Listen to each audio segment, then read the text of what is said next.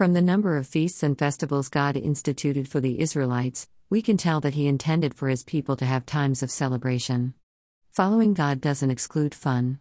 In fact, following God's commandments is the way to get the most out of life as it was originally created to be enjoyed. God wants us to have rich lives, to celebrate with others, and to find joy in our relationship with Him.